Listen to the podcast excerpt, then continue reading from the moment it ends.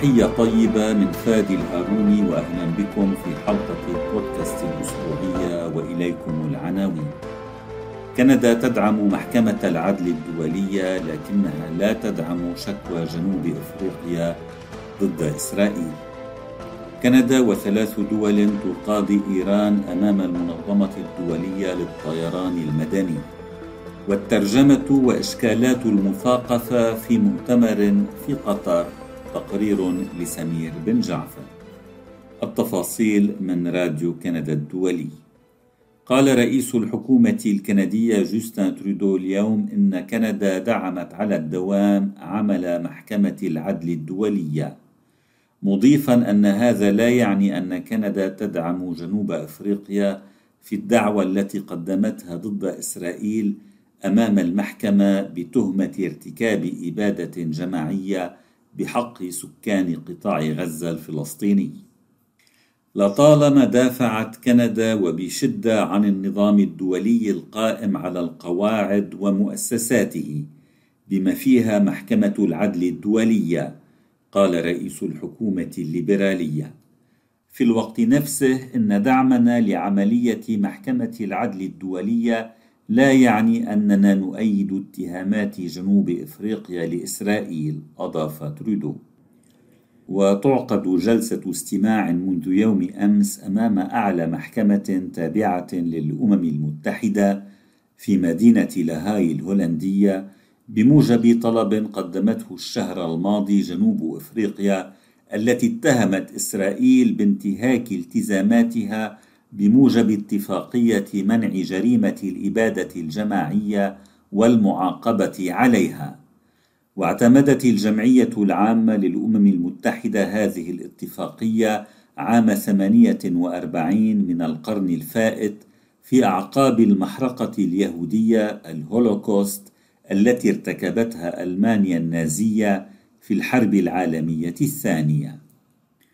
وفي وثيقة من 84 صفحة وجهتها إلى محكمة العدل الدولية حثت جنوب أفريقيا قضاة المحكمة على إصدار أمر عاجل لإسرائيل بتعليق عملياتها العسكرية بشكل فوري في قطاع غزة. وتعتبر جنوب أفريقيا أن إسرائيل انخرطت ولا تزال منخرطة وقد تستمر في الانخراط في أعمال إبادة جماعية ضد الشعب الفلسطيني في غزة.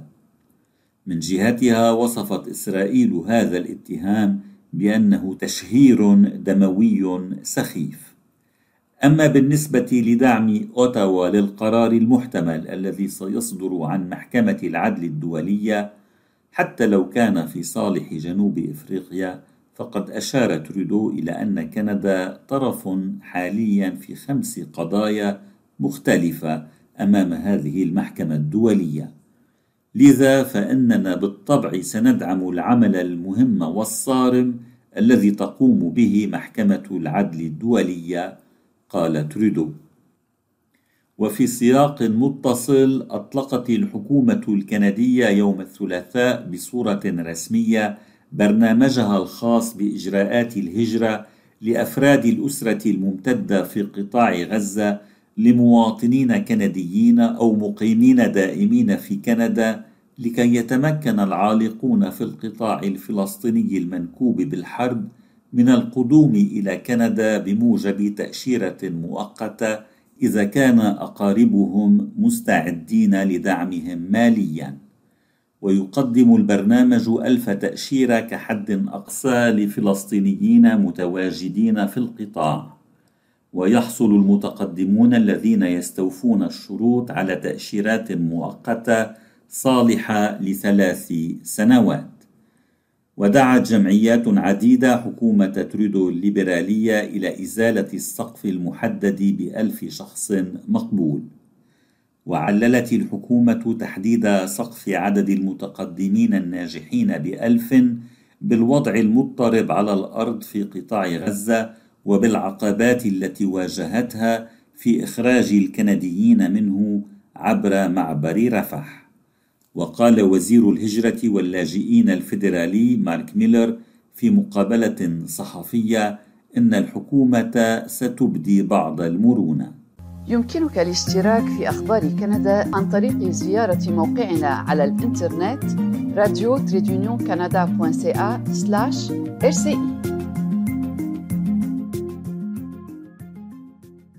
قدمت كندا والسويد وأوكرانيا والمملكة المتحدة شكوى يوم الاثنين إلى وكالة الطيران المدني التابعة لمنظمة الأمم المتحدة ضد إيران المسؤولة عن تحطم طائرة مدنية أوكرانية في الثامن من كانون الثاني يناير 2020 ومقتل 176 شخصا كانوا على متنها هم جميع ركابها وأفراد طاقمها واتهمت الدول الأربع التي فقدت مواطنين لها في تحطم الطائرة اتهمت في بيان مشترك إيران بأنها استخدمت أسلحة ضد طائرة مدنية أثناء طيرانها في انتهاك لالتزاماتها القانونية الدولية وبعد مرور أربع سنوات على التمام على وقوع تلك المأساة بدأت الدول الأربع إجراءات تسوية النزاعات